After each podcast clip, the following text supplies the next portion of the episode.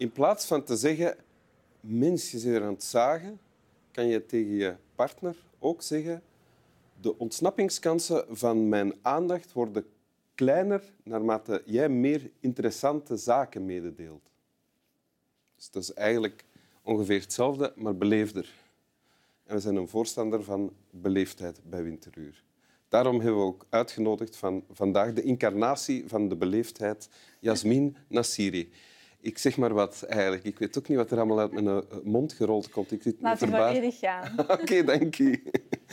Uh, welkom. Dank u. Jasmin, je bent um, auteur, ex-columniste, voornamelijk ondernemer, denk ik. Ja.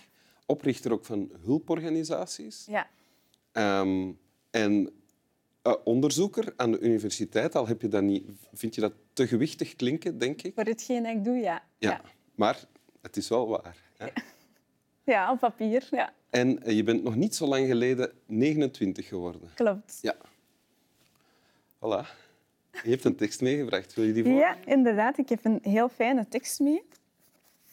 Um, komt uit het boek uh, van Stefan uh, van Brabant. Ja. Uh, maar het is eigenlijk een stukje van Michel de Montaigne. Dus ik ga het eventjes voorlezen. Wij moeten zo mogelijk een vrouw hebben, kinderen, bezittingen en vooral een goede gezondheid. Maar ons daar niet zo aan hechten dat ons geluk ervan afhangt. We moeten een achterkamer voor onszelf apart houden om daarin volkomen ongestoord onze eenzaamheid en afzondering te cultiveren en ons werkelijk vrij te maken. In deze ruimte moeten wij dagelijks het gesprek met onszelf aangaan, een zo persoonlijk onderhoud dat geen enkele relatie of omgang met de buitenwereld dit kan verstoren.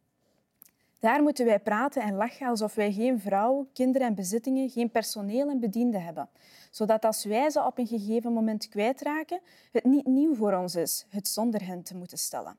Wees in je eenzaamheid een wereld voor jezelf. Hmm. Dus je moet, als ik uh, heel eenvoudig uh, samenvatten, uh, zou ik kunnen zeggen, je moet alleen kunnen zijn. Klopt dat? Ja, inderdaad. Onder andere alleen kunnen zijn, maar vooral heel veel aan introspectie kunnen doen. Um, en in staat zijn om, als je relaties aangaat of vriendschappen, dat vanuit een belangeloze positie te kunnen doen. Mhm. Omdat je in staat bent om alleen te kunnen zijn en dus niet afhankelijk, uh, afhankelijk bent van hen. En dan gaat het over relaties met de materiële wereld rondom je. Want als je iets bezit, een huis, een auto, dan heb je er ook een relatie, een bezitsrelatie. Klopt. Maar ook uh, met mensen, met vrienden, familie, uw vrouw of uw man, uw partner enzovoort. Over al die relaties gaat het dan. Ja, absoluut. Ja. Uh, echt wel relaties in de brede zin van het woord. En ik vind dat echt een heel interessante kijk op de zaken. Um, die, die ik altijd onbewust zelf ook heb toegepast in het leven. Ja? Uh, ja, al van kleins af aan, voor zover ik mij kan herinneren. En ik denk dat dat voor heel veel mensen die heel wat tegenslag hebben ervaren, um, dat dat niet zo moeilijk is. Omdat dat een, een soort van verdedigings- of overlevingsmechanisme is. Die stoïcijnse kijk op, op uh, de wereld, op het leven. Ik ga je onderbreken, sorry. Omdat je heel veel zegt in heel korte tijd. Uh, in een paar zinnen. Die stoïcijnse ja. kijk op het leven. En uh, wat je bedoelt is dat, je, dat jij blijkbaar van jongs af aan al geleerd hebt om niet afhankelijk te zijn van relaties en, en materiële omstandigheden. Ja, niet afhankelijk ervan te zijn, maar ook um, ja, um, het allemaal als een gunst te beschouwen. Als je iets bezit of als je een relatie aangaat of als je een vriendschap hebt of als je iets krijgt, dat is een gunst dat je wordt aangedaan. Dat is, geen, um, dat is niet iets dat vanzelfsprekend is. Mm -hmm. En als je vanuit die positie in het leven staat en tot besef komt dat uh, niets vanzelfsprekend is en het ergste eigenlijk altijd mogelijk is, dan neemt je... Het ergste is het verlies van die dingen. Ja, exact. Ja? Het verlies van die dingen of, of um, obstakels die je mogelijk zou ervaren um, of, of gezondheidsproblemen. Uh, uw gezondheid, uw, uw geluk, uw connecties, uw relaties, dat zijn allemaal gunsten in het leven die niet vanzelfsprekend zijn. Ja, en dat besef had jij dus al heel jong. Ja, ja. En was je dan ook al heel jong goed in staat om alleen te zijn? Om...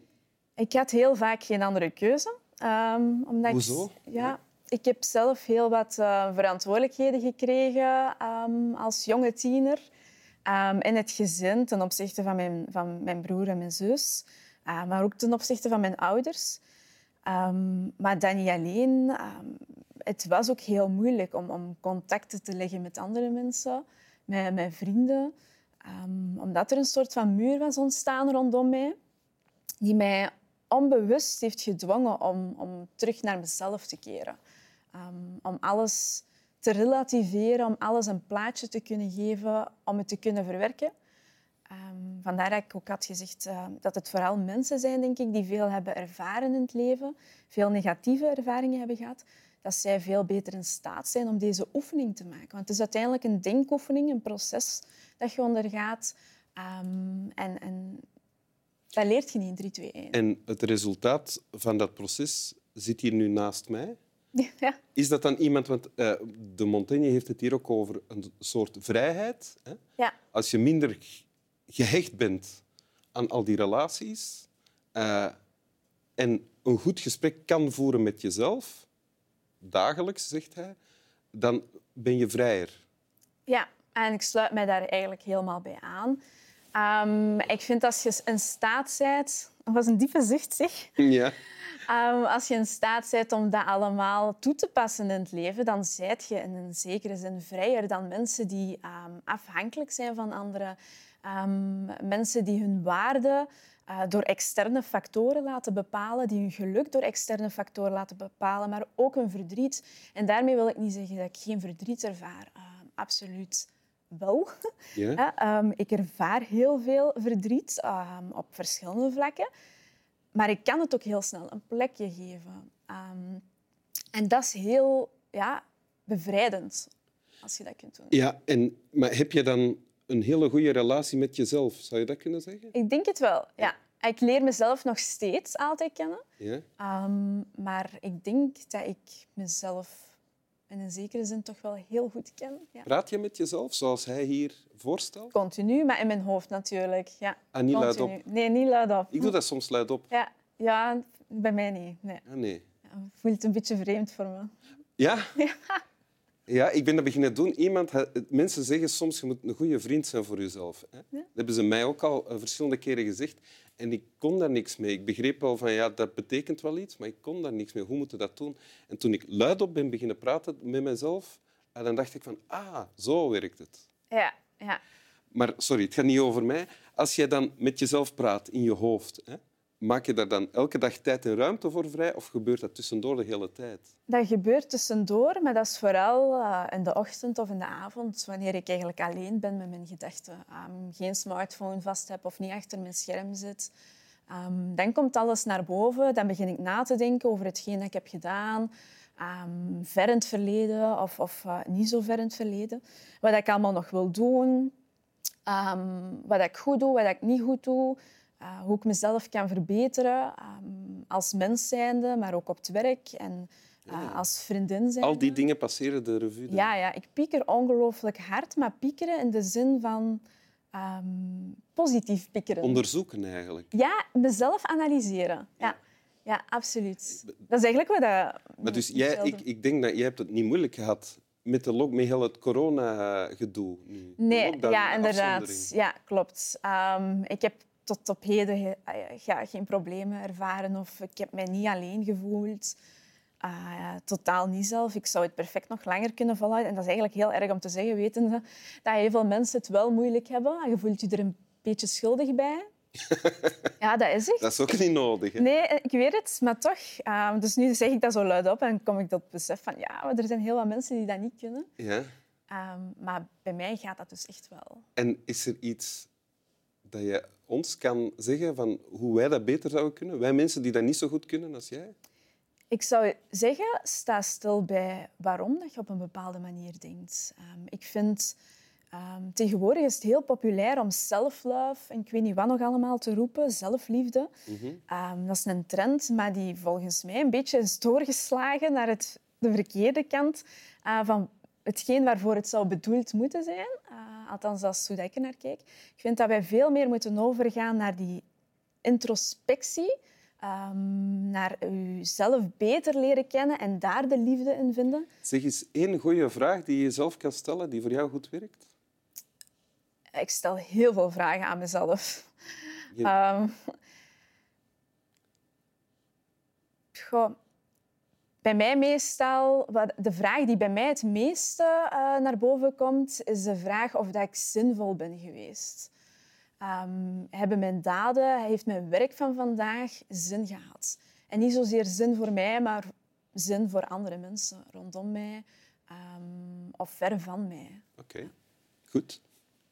Ja. Weten de mensen wat doen straks als ze nog wakker liggen in hun bedje? Wil je het nog eens voorlezen? Ja.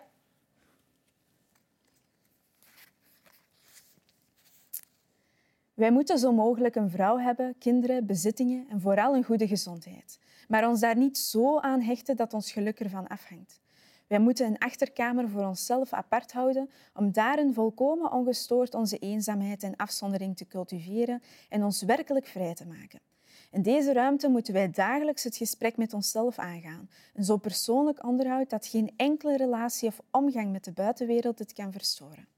Daar moeten wij praten en lachen alsof wij geen vrouw, kinderen en bezittingen, geen personeel en bedienden hebben.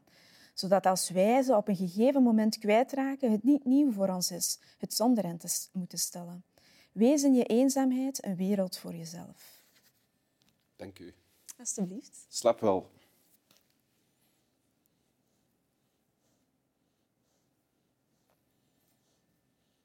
Wees in je eenzaamheid een wereld voor jezelf.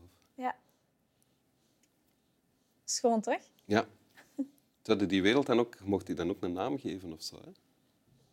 Hoeft dat? Dat hoeft niet. Nee, dat hoeft niet, maar dat, mag, dat mag wel. Hè? Je kunt het doen, ja. dat. Over een naam nadenken.